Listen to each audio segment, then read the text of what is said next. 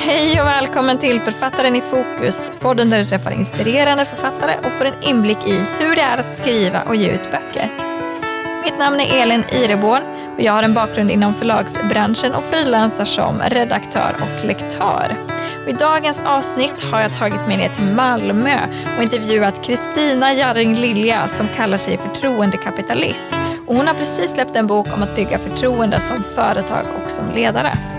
Kristina har haft många tunga ledarposter som VD och ordförande i styrelse bland annat och har insett vikten av att bygga förtroende för att nå framgång. Och allt det kommer du få höra mer om och även en hel del om bakom kulisserna när man ger ut en bok. Hur blir man antagen av ett förlag bara baserat på en idé? Och hur många timmar krävs det egentligen innan boken är klar? Ja, det här är Författaren i fokus.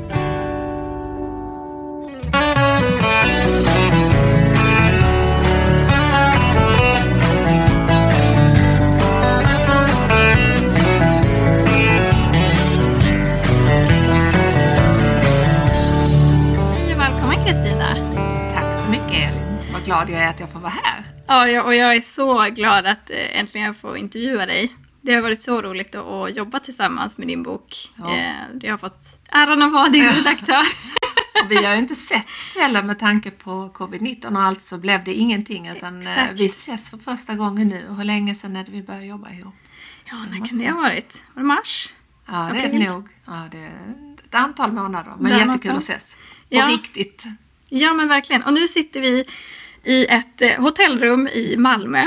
Och om bara någon timme här när vi spelar in detta så kommer det här eh, en lokal i det här hotellet att fyllas med dina nära och kära för att fira släppet av din bok som heter Förtroende, företagets viktigaste kapital. Ja, precis. Hur känns det? Eh, känns eh, väldigt spännande men känns också lite overkligt faktiskt att boken äntligen är klar och att den finns fysiskt. Men, eh, men väldigt spännande. Och eh, så kul också att få höra reaktionerna från eh, alla när de har läst den. Det ser jag verkligen fram emot. Precis, och hur, du har jobbat på den här boken ganska länge.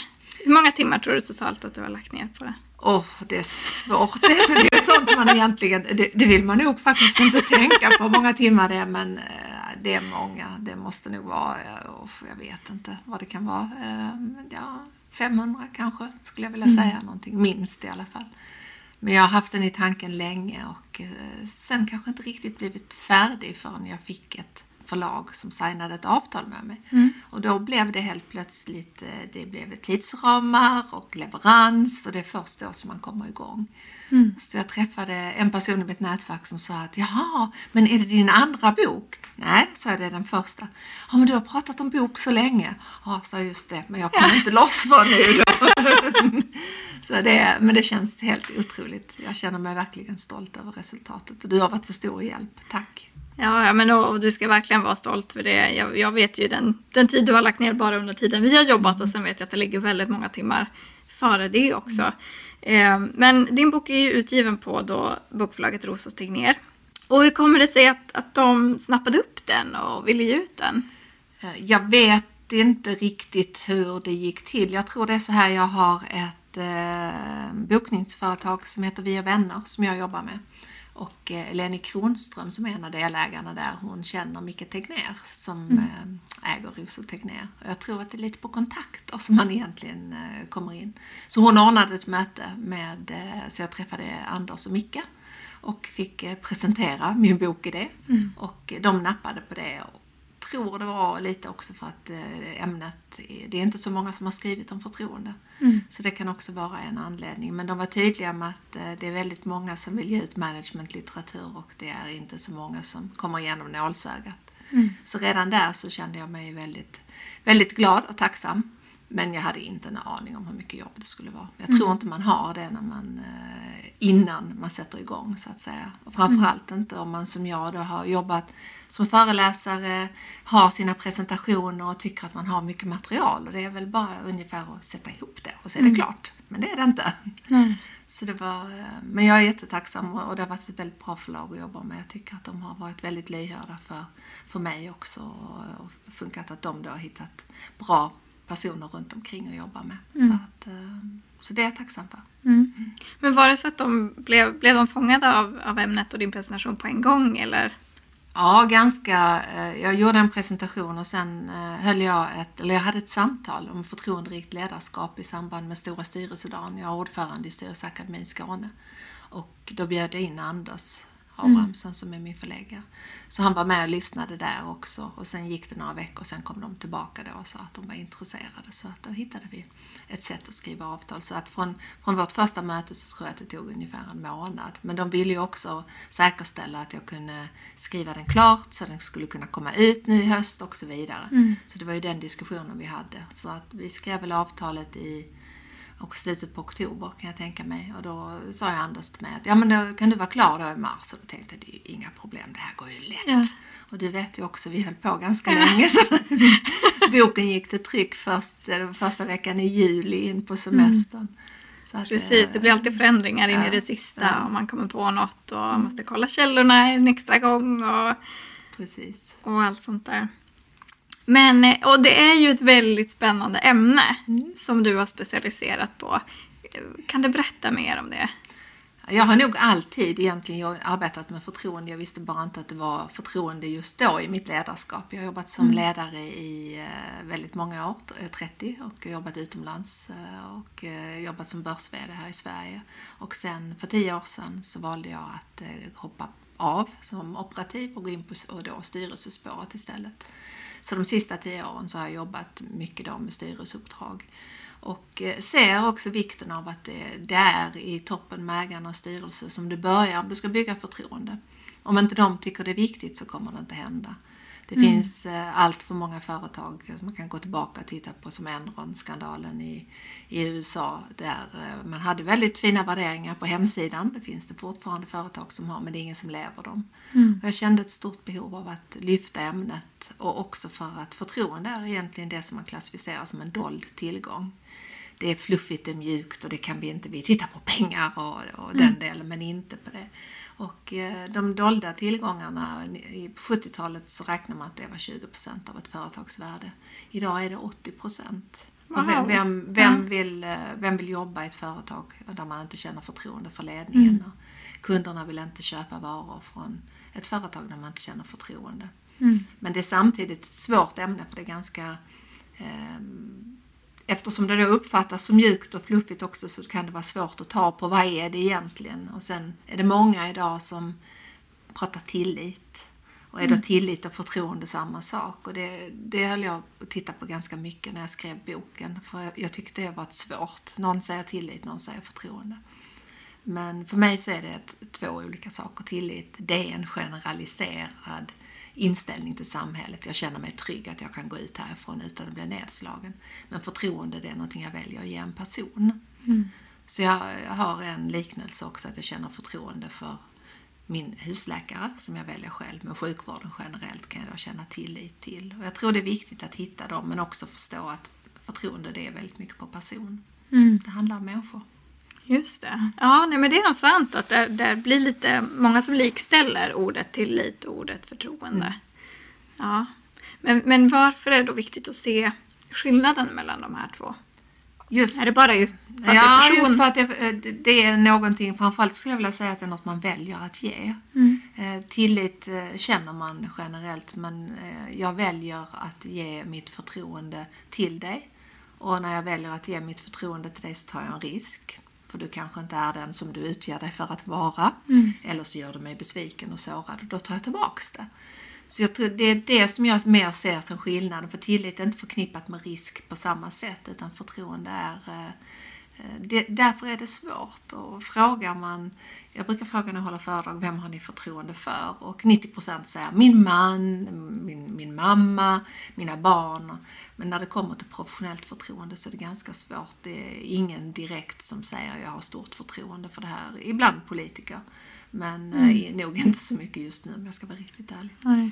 Ja, du trycker ju mycket på i boken om att det, det ska liksom rinna uppifrån mm eh, och ner. Och du, du har en, en väldigt visuell pyramid också som visar på hur det här förtroendet kan, kan spilla ner. Var, varför är det viktigt? Vill du utveckla lite där om det? det? Ja, just därför jag, jag, tidigare så skulle man kunna säga att det kommer mycket att man har sagt att ja, men om vi pratar värderingar så tror jag att vi styrs av våra värderingar. Jag tror i framtiden så kommer vi välja ännu mer utifrån våra värderingar vem vi vill arbeta med. Mm. Och då har man sagt att ja, eh, VD och ledningen och de som jobbar, de, det är de som sätter kulturen i eh, bolaget. Och det finns ju en gammal, eh, nu ska jag inte säga gammal, jag vet inte hur gammal Peter Drucker är, men han har ju sagt det här att culture eats strategy for breakfast. Oavsett vilken bra strategi du har, har du inte kulturen med dig så klarar du inte det. Och där tror jag man har gjort fel för den, både värderingarna och kulturen, den sätter ägarna och styrelsen och VD genom hur de agerar varje dag. Så det räcker inte bara att ha den fina powerpointen eller ha orden på väggen. Utan mm. det är hur du lever dem varje dag. Och det är det jag vill belysa också, att det kommer uppifrån. Så det kan alltid finnas fantastiska stjärnor i, i bolag som är duktiga på att bygga förtroende mot kund. Men om inte de får näring uppifrån, att det är fler som ser vad de gör och tycker att det är viktigt, så kommer de troligen att gå till ett annat företag mm. där det är på riktigt. Mm. Men vad är då förtroende? Kan, hur, hur kan du Går det att beskriva så här, om, om jag ska bygga förtroende? Mm. Då kan man säga då? att då, då, då, får man börja med eh, ett lågt självfokus. Mm. Och lågt självfokus för mig det är väldigt mycket att se till andra och inte bara till sig själv. Så om du och jag skulle ha ett samarbete, vi känner inte varandra och vi träffas för första gången och du, har, du är inte påläst om mig och min, min verksamhet. Du säger jag har en hemsida. Det finns en massa information som du skulle kunna skaffa dig. Mm. Du, du, har inte, du är inte påläst och du bara pratar om dig själv. Då har du en väldigt lång uppförsbacke. Mm. Ehm, det har de flesta där. Utan det, det gäller liksom att kunna tänka utifrån den andra personens situation eller företaget och vad kan vi göra tillsammans.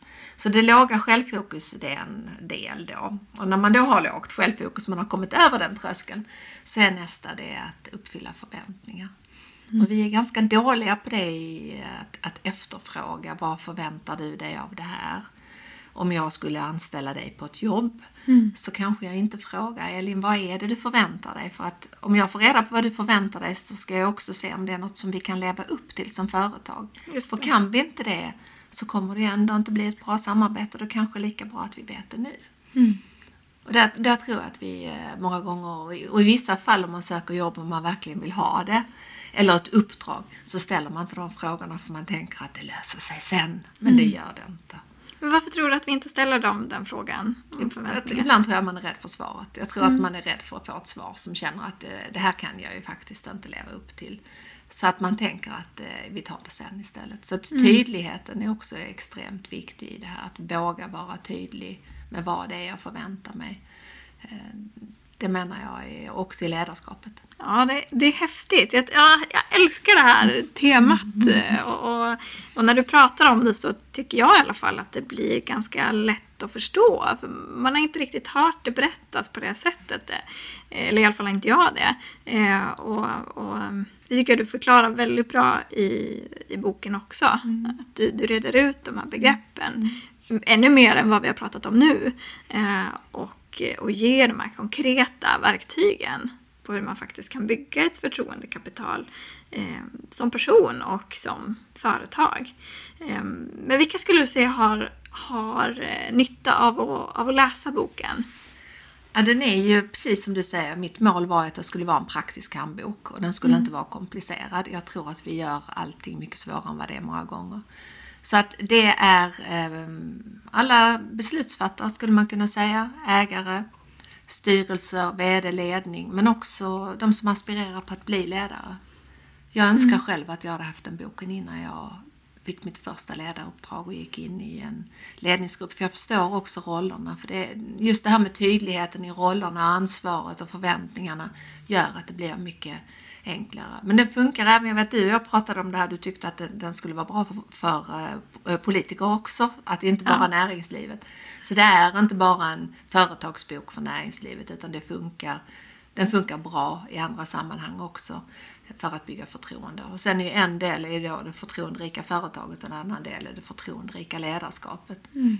Och också mycket i det här, vad, vad är, vilka förväntningar ska du leva upp till i dina olika roller och eh, checklistor på det. Så där försökte jag göra den, den praktisk. Men, eh, och sen bra för ledningsgrupper som eh, vill jobba tillsammans så kan de läsa den och hitta sätt också mm. att öka förtroendet. Så att det, den, är nog, den är ganska bred skulle jag vilja säga. Ja, men jag tycker det går att, att dra kopplingar även till andra typer av relationer. Mm. Alltså i, i, men jag ser hur jag kan ha nytta av det här i, i mitt eh, äktenskap med min man och med min relation till min familj, mina föräldrar och syskon och eh, vänner och, och Ja, men för det bottnar ju också mycket i förtroende. Mm. Så, så som de eh, på din föreläsning där hade gett exempel. Vem har du förtroende för? Ja, men det är min mamma och det är min partner och det är eh, de som står nära. Och, och det är ju väldigt viktigt att och, och kanske, ja, men kanske se då, försöka se nycklarna i hur kan stärka förtroendet nu mellan oss två. Ja, eh. absolut. Sen valde jag att inte för jag fick frågan då också hur mycket jag skulle väva in och jag valde att inte göra det för den, mm. då kommer vi till psykologin. Precis, ja. och då kände jag att den, den vill jag inte ge mig in på för det är inte det som jag kan. Utan jag har ju byggt den mycket på mina egna erfarenheter under alla mina år i näringslivet och sen har jag också haft förmånen att få samtala med ett antal personer som har gett sitt perspektiv på mm. förtroende. Och det har varit värdefullt att det är inte bara min röst utan det, det är många kloka personer som har har varit med och hur de ser på det. HR-chefer, VD, styrelseägare och så vidare. Mm. Så att det har betytt mycket för mig att få deras eh, input.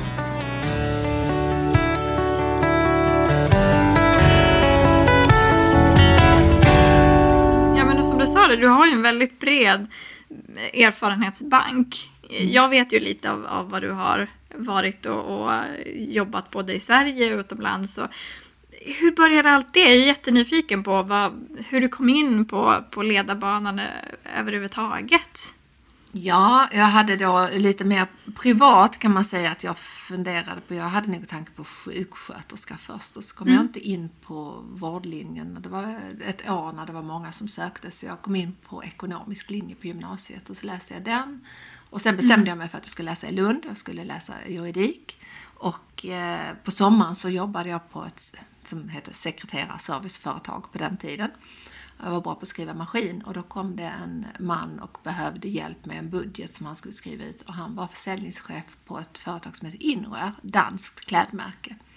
Så jag hjälpte honom och så sa han att ja men det, det, det är jätteintressant för vi, vi behöver faktiskt en vd-sekreterare hos oss. Och så tänkte jag det hade ju varit spännande och kläder mm. gillar jag. Så, så jag sökte den tjänsten och fick den och då tänkte jag att Lund det finns ju alltid kvar och detta är ju spännande. Så jag jobbade ett år med eh, en man som heter Lars Åkerman som var VD då han var på väg att starta upp Inwear i USA. Och sen lämnade han och flyttade till USA och så jobbade jag kvar i Sverige men gick över till att jobba med PR marknadsföring, hade mm. förmånen mm. att vara med på det glada 80-talet när det mm. fanns mycket pengar i klädbranschen.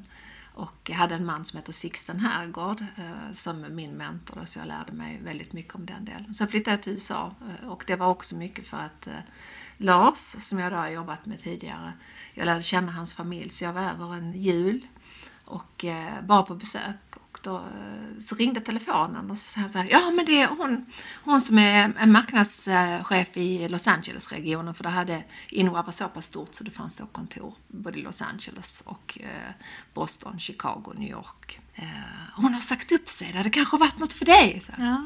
Och då tänkte jag, ja, då var jag lite kaxig och sa, jag har aldrig varit i Los Angeles. Och det säger han bara, men det är fint. Så han tog luren och han eh, bokade en biljett dagen därpå till Los Angeles. Mm. Så jag satt fem timmar på ett plan. Och det var 1986 och det var väldigt kallt här hemma kan jag säga. Mm. Och det var väldigt fint och det var sol och skönt och så. Så jag tänkte att ja men fint. Det lockar. Så jag, flyttade, så jag bestämde mig där och då. Det är verkligen ett, ett infall och eh, han pratade då med Torbjörn som var VD i Sverige och så att jag fick kom loss ganska snabbt och eh, i eh, februari satt jag på ett plan och flyttade till Los Angeles och jag kände inte någon. Och det är också mm. en sån grej som man tänker att ja men jag känner ju någon i New York men det är, det är fem timmars tidsskillnad. Det är ungefär som att sitta här i Malmö och säga men jag känner någon på Kanarieöarna, de kommer säkert hjälpa ja. mig. Så på den vägen, sen stannade jag i USA i tre år och och jobbade med kläder och var, på in, jag var kvar på Inwear men sen gick jag också över. Lars som var VD startade ett eget företag. Flyttade hem eh, 1990 och eh, då hade vi, vi, vi sålde ett antal svenska varumärken, eh, klädmärken på, i USA då. Så jag har fått kontakt med Nilssongruppen i Varberg. Så då började jag flyttade från New York till Varberg och det var i januari och det var bara ösregn och snålblåst precis som det är på västkusten och jag tänkte nog lite vad jag har gjort här. Ja. Men eh, sen jobbade jag med ett klädmärke som heter Exit som eh, Rolf Nilsson som Eivind Nilsson-gruppen var då väldigt framsynt i att här trender på skor börjar normalt sett med kläder på trender så han hade köpt ett klädmärke.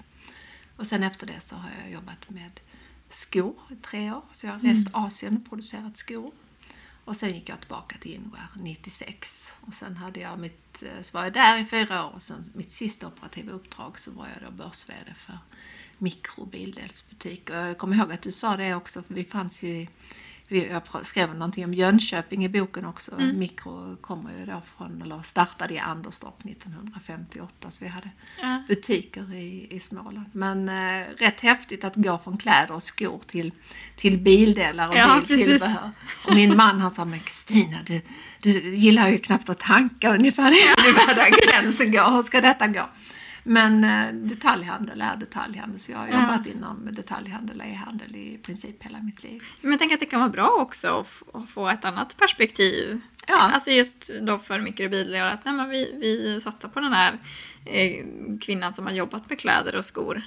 Ja, sen var det liksom också liksom kontakter kan man säga. Men jag tror att det, det är ledarskapet. Och det, mm, om man går till, och kopplar tillbaka till förtroende så, så är det inte annorlunda att bygga förtroende på mikro än vad det var att bygga Nej. förtroende när man jobbade med kläder. Det, det är samma sak. Det handlar om människor. Det handlar om ledarskap. Och att hitta, eh, att få människor engagerade att, eh, mot ett gemensamt mål. Men, men också som ledare eh, ja, det är väldigt mycket att du är vad du gör. Så ja. mm. Var någonstans under, under din livsresa upptäckte du vikten av förtroende? Att, att, definiera det som förtroende gjorde jag faktiskt inte förrän jag slutade arbeta operativt. Jag tror mm. att under tiden du arbetar operativt så hinner du inte reflektera och det är ett stort problem idag för uh, dagens ledare att man har så mycket att göra, man är så stressad så du hinner inte reflektera. Mm. Så det var en uh, kvinna som uh, samtidigt som mig lämnade det operativa och började satsa på styrelsespåret som heter Sofie Persson. Och eh, vi har bollat ganska mycket när man då går från att vara VD i ett bolag med mycket anställda och sen till att vara själv så blir det en helt annan värld. För du behöver de här bollplanken på ett annat sätt. Och då var det faktiskt hon som har hjälpt mig att komma fram till att det var förtroende och förtroendekapital som, som jag brann för. för jag, jag pratade mycket kund, jag pratade mycket människor, jag pratade mycket ledarskap och den delen. Men vad är det då egentligen? Så vi tillsammans, eh, och det är nog tack vare henne skulle jag vilja säga, som, mm. som det blev att det var förtroende. Så att det, har du några andra förebilder så in, inom just det? Eller som Om vi tänker på um, förtroende skulle jag nog vilja säga att uh, ja, då, då kommer nog Barack Obama upp egentligen. Mm. Därför att uh, på det sättet som jag har med det i, i boken, jag vet du, du har ju läst det också, hur han hälsade på alla, han hälsade på vaktmästaren, alla människors lika betydelse. Det betyder väldigt mycket också för att bygga förtroende. Och mm. eh, där är också ett Youtube-klipp där eh, Barack Obama är på besök hos Gordon Brown och de ska gå in på 10 Downing Street. Och mm. Barack Obama han hälsar på en polis, en Bobby, som står utanför. Och när polisen sträcker fram sin hand mot Gordon Brown så går, går Gordon Brown bara förbi. Och det, det för mig visar så tydligt på ledarskap och hur man ser på människor. Mm.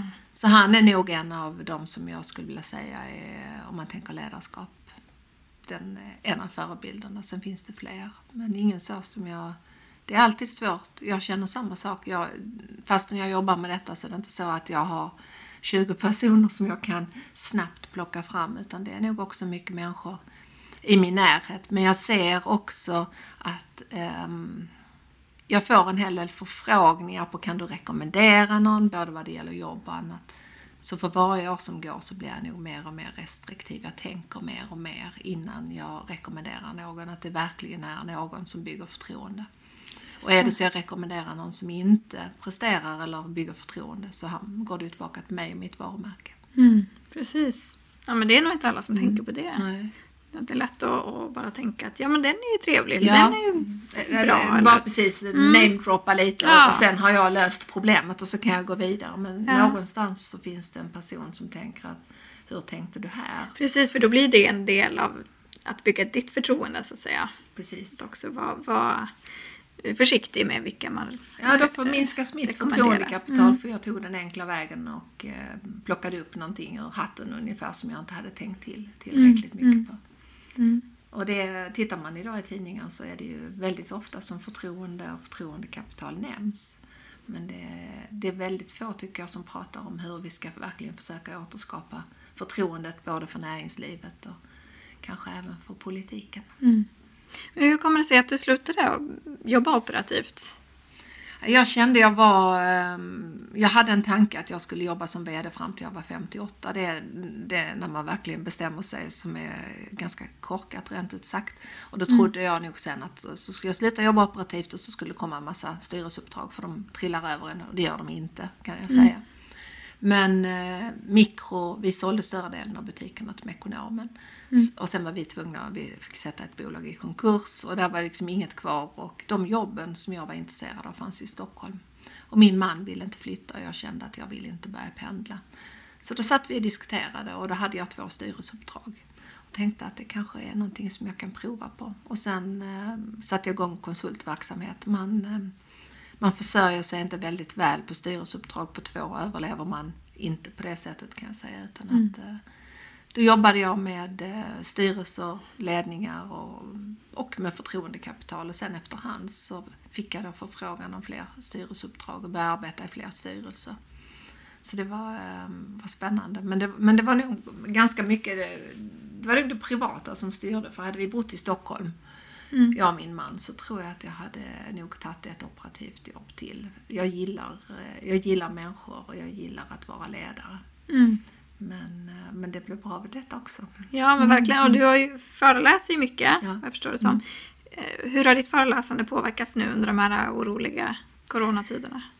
Det har ju varit mindre. Jag har gjort några digitala. ehm, Och jag fick frågan från en journalist i förra veckan det här om att bygga förtroende digitalt kontra att bygga det fysiskt. Jag menar att man, det är svårare om det är ett sammanhang där du aldrig har träffat någon innan. Eh, Då, då är det svårare att sitta och titta i en skärm. Har man träffats tidigare så tror jag ändå att det fungerar ganska bra. Men det är lite samma saker. Det, när vi träffas fysiskt så ska vi titta varandra i ögonen för att bygga förtroende. När vi har digitala möten eh, och föreläsningar så gäller det att titta in i skärmen. Och sen framförallt sitter man i mycket Teamsmöten och så vidare, har kameran på. Så fort man stänger ner kameran så tänker någon, den här personen gör något annat. Ja. Så att det, det är väldigt mycket om att vara närvarande. Men visst, det har påverkat en del. Men nu har det kommit tillbaka. Nu har vi ju eh, en dag som man kan träffas 49 så jag har en del mindre föreläsningar bokade nu i höst, vilket är kul. Det är ändå det är en helt annan känsla att stå framför riktiga människor än att göra det digitalt. Men jag tror att jag kommer fortsätta försöka ha ett digitalt erbjudande. På så sätt kan man ju också nå människor som inte i närheten och på ett annat sätt och nå ut bredare om man vill. Om man brinner för någonting som jag gör. Jag hoppas ju verkligen att fler inser värdet av att bygga förtroendekapital. Ja, men det, det är jag också. Jag tror som sagt verkligen att, eh, att många skulle bli hjälpta av det på, på olika sätt. Eh, inte minst all medmänsklighet som skulle komma om eh, man började tänka lite mer på det som du sa med lågt självfokus och vara närvarande. Eh, se varandra. Det kommer ju också mycket i företag. Man tänker att vi förväntar oss ett socialt engagemang mycket, mycket mer av företag idag än vad vi gjorde förr. Så är det viktigt och då tror jag att eh, de människor som är i ledningen de måste också tycka att det är viktigt för att det ska bli på riktigt. Mm. Så det måste vara på riktigt. Inget, eh, någon i mitt nätverk som har använt ett uttryck sminka grisen. Det, det funkar inte.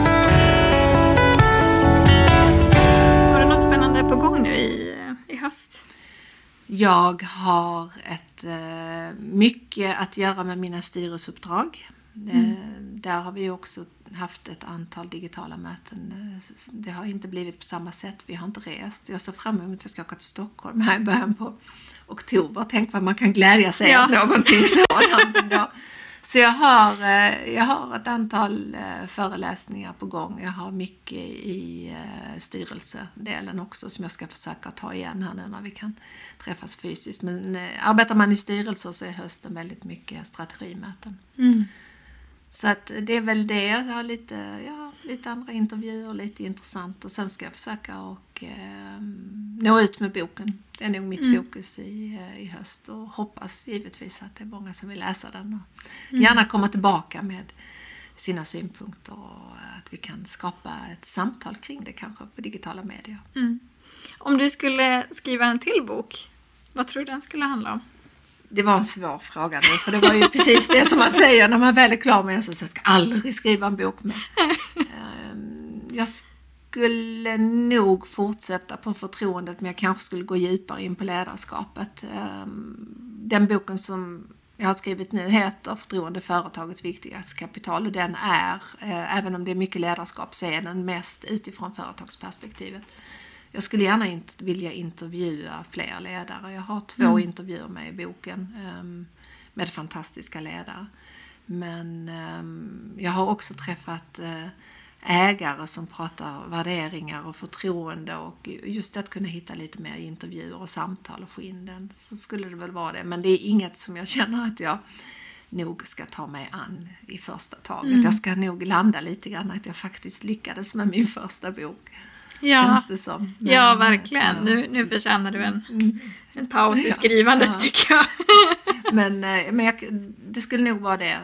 Jag kan känna det när jag träffar, eh, jag träffade två personer som hade lyssnat med på en föreläsning som tog kontakt eh, med mm. mig och som äger ett antal företag. Och det är så fantastiskt när man hör och berätt, att de berättade hur hur de ser på sitt eh, ägande i sina bolag och hur de vill bygga upp det. Och då kan man känna att oh, det här skulle jag gärna vilja skriva om och lyfta fram dem också. Så att kanske lyfta fram de som är de goda exemplen. Mm. Skulle jag nog kunna tänka mig. Just mm. Har du något tips till, eh, till andra som är företagare och som skulle vilja skriva en bok eh, om, om sin verksamhet eller om sin expertis? Ja, men jag tycker nog att det, man behöver inte ta det så allvarligt eh, om man inte vill. Om, för, för, en bok är, det var någon som frågade mig eh, vid något tillfälle varför jag skrev boken och, och i första hand så är det ju för att jag brinner för ämnet och vill verkligen mm. göra skillnad. Sen är det också så att när du väl har skrivit en bok då blir du lite expert inom ditt mm. område.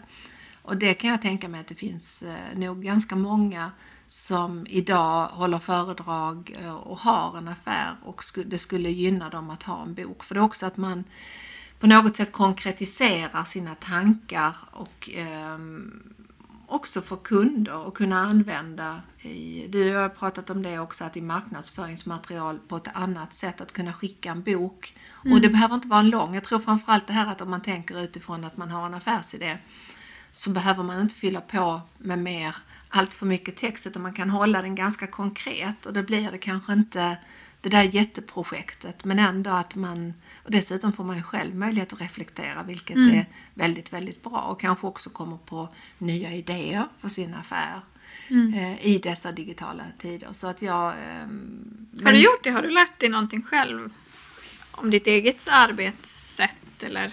Ja, nog för att jag hade mycket i det här att landade i Richard Bransons, um, han, han, säger det att any fool can make something complicated, it's hard to keep it simple. Mm. Att försöka hålla det enkelt. Jag känner också att i, idag så måste man tänka på att vi har ingen eh, vårt, nu använder jag engelskt ord igen, men attention span är så kort och vi mm vi får så mycket intryck hela tiden så jag tror att man måste tänka om och det försökte jag lite grann med boken att liksom hur, hur länge har jag läsarens uppmärksamhet här och försök, lägg då inte till någonting som inte tillför någonting egentligen för att för då kan vi komma till högt och lågt självfokus för att jag tycker att det är viktigt och så vidare. Ja. Så det, det, det, det lärde jag mig en hel del och jag tror att man gör det och jag tror att det finns en hel del som skulle ha nytta av också att för sin egen del skriva en bok men också som kan använda det i sitt företagande. Mm. Men där känner jag ju då också mycket med eh, den inputen som du gav mig som jag inte alls tänkte på innan och hur man skriver och jag, hade, jag skulle absolut ha hjälp om jag skulle ge ut en bok själv. Därför man behöver det och man behöver ett, ett kritiskt men vänligt öga som säger det här fungerar inte riktigt och du skulle kunna göra det här. Ja, och det har varit fantastiskt att jobba med dig, Kristina. Du, du är verkligen Tack. du är en förebild. Du har blivit en förebild för mig i alla fall. I, i, ja, på många sätt. Tusen och jag har högt förtroende för dig. Det gläder mig. Det har jag för dig också. Så det är ömsesidigt. Vi har ju Ja, känt på varandra nu när vi har jobbat ihop. och Det, det är där man, man känner det. Den förs- första, eh, man, man kan känna ett initialt förtroende brukar jag säga. Men det är första man har träffats och, man har jobbat ihop ett tag Ja. som man känner om det, det funkar på riktigt. Men det har verkligen varit en fantastisk resa. ja. Ehm, tack så jättemycket för att du kom hit. Tack själv. Om man nu komma. skulle vilja följa dig och se vad, vad du pysslar med, hur gör man det enklast? Då finns jag på LinkedIn och eh, där finns jag under mitt eget namn, Kristina Gäring Lilja. Och eh, på Instagram finns jag under förtroendekapitalisten.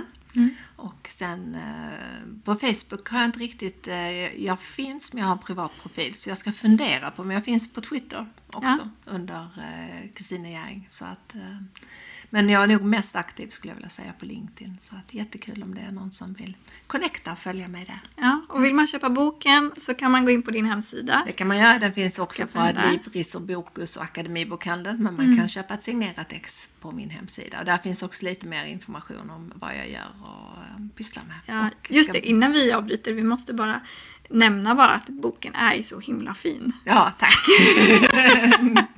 den, den, eh, den, blev väldigt, eh, den blev väldigt vacker. Det var ju ett, ett mål i sig. Jag gjorde om min grafiska profil med eh, min guddotter som bor i New York som heter Claudine Eriksson. Hon har jobbat med grafisk design ganska länge så hon gjorde om eh, mina visitkort och allting. Och sen gjorde hon om en, började göra om en del av min hemsida. Och sen eh, var det så häftigt att Rosa Tegnér då tyckte att hon, eller sa okej till att hon fick tillsammans med sin då kollega Pierre Wolf göra både omslaget och inuti boken. Och hon har gjort nämligen mycket av det grafiska materialet jag hade innan. Så att nu känns det som att min bok är en förlängning av nu, och det gillar man ju då. Har man, har man jobbat med design och kläder och så som jag har så gillar jag det här att allting liksom stämmer. Men den är, nej, det är jättekul. Det var um, en kommentar som jag sa till dig innan också på sociala medier idag att eh, jag har köpt den och jag ser fram emot att läsa men den är också väldigt snygg att ha hemma och det gläder Ja. mig. Ja men kan den är verkligen, det. och den, Mm. den är ju någonting utöver det vanliga. att Den har eh, guld både på omslaget och inuti Mm, boken. Och just det inne i inlagan, det är, det är väldigt ovanligt. Mm. Men det är så snyggt. Eh, och jag fick vara med på ett hörn där också. För Claudine och, och Pierre, hennes kollega då, gjorde ju eh, den eh, grafiska designen. Mm. Och eh, hade ju högt flygande idéer där, minst sagt. Eh, och med ganska många komplicerade delar. Och sen så var det upp till mig att eh, hälla i texten och ja, formge då sida för sida ut efter deras eh, riktlinjer. Och det var en utmaning. Det var det, men du lyckades väldigt bra. Och det, jag kände nog i slutet att jag var på väg ett tag och, och ge upp. För det blev, det blev mycket svåra projekt. Men jag är väldigt glad att Eh, jag kommer ihåg att Claudine hon skrev till eh, till eh, Anders, vår förläggare, vid det tillfället då så skrev This is not an ordinary book, this is a special book. Och då tänkte jag att, ja men är, den, är min bok så speciell? Men nu, nu förstår jag att jag är väldigt glad att hon inte, hon inte gav upp. För hon hade, hon hade så tydligt idén hur hon ville att den skulle vara. Och den, den speglar mig väldigt bra, måste jag säga. Precis, jag tror att både Anders och förläggaren Prosortning ner då och jag hade, ja men väl lite, man tänker liksom traditionellt bokbranschen hur böcker brukar se ut och säger nej men inte måste vi väl vara sådär designiga. Men hon stod på sig och du stod på dig och det blev ju så himla bra. Ja, blev det. Jag är också jättenöjd med hur det blev. Och det, det är kul att det, ja, men att det får vara speciell, den är Mm. unik. Och, och det är ett unikt eh, tema, viktigt ämne. Eh, som, eh, som då designen också verkligen gör temat Ja, guld, guldet sätt. är ju Ja. förtroendet som då ska flyttas in i, eh, i den större cirkeln. Så att det är, men, Precis, så det finns många lager av baktankar. Ja, och, det, det, och det eh, är ganska mycket tankar bakom. Mm. Och det var så kul för att Anders, eh, han, ehm, jag tror han mejlade mig, alltså, så han jag har fått tre ex när boken hade kommit då innan den stora leveransen. Mm. Och eh, hur vill du göra? Vill du hämta det eller vill du skicka det? Så, nej, jag kan inte. Jag hade så mycket möten. Skicka det. Och sen så skrev han något. Ja, man vet ju hur Postnord de är. Det kändes som det kommer att ta lång tid. Men eh, då var jag lite orolig när jag såg den. Men sen när jag ringde till honom så sa han, jag vill höra vad du tycker. Och så jag är jättenöjd. Jag ja. förstår det, sa han. Det är vi också. Så det, var, det var fantastiskt kul. Ja, det är alltid nervöst det där när man har skickat en bok till tryck och så flera tusen exemplar och så vill man inte att något ska ha gått fel. Nej, och sen var det ju semester när vi, i princip ja. när vi var klara så jag tänkte att då gjorde de. Men eh, nej, då, jag måste säga att det, det blev jättebra. Mm. Mm, jag är så nöjd. Mm. mm. Precis, så ni, ni lyssnare som är nyfikna på bokens RUT får helt enkelt kika in på Kristinas hemsida och se. Det finns eh, väldigt snygga bilder mm. där. Eh, tagna av David Gabriel Ron. Ron. Precis, mm. han har tagit eh, både författarfoto och eh, bilder på boken sen nu när vi verkligen fick det. Han tyckte också att eh, han visste nog inte riktigt han, han hade sett bara boken på bild men när han fick den så, så uh, han fick tio böcker med som man skulle fotografera så kom det direkt ett sms. Det var ju väldigt snyggt och vilken papperskvalitet och så bra! Och det har mm. lite grann av det här med mm. så fort det är eh, vad ska man säga, kreativa människor som uppskattar det också. Mm. Så att, eh, nej, så bilderna blev jag är jättenöjd med allt, all, allas arbete måste jag säga. Väldigt nöjd och stolt. Mm. Och tacksam. Ja, mm. det ska det vara. Och eh, nu ska vi ju eh, fira lite. Vi ska bokreleasa. Ja, ja. det ska bli jättekul. Se vilka du har bjudit in. Och, mm. och tack för att du kom till Malmö. Ja, ja men det var bara min ära. Jättekul. Ja.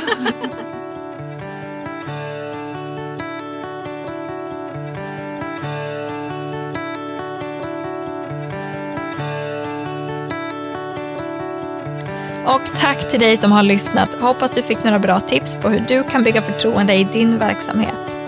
Och är du själv företagare, föreläsare, coach eller konsult och vill skriva en bok om ditt expertområde precis som Kristina gjorde kan du höra av dig till mig så kanske jag kan hjälpa dig vidare utifrån var just du står någonstans i processen. Och mig hittar du enklast på Instagramkontot Forfattaren i fokus eller på peopleandstories.se. Och tills nästa gång, ta hand om dig och ha en riktigt fin dag.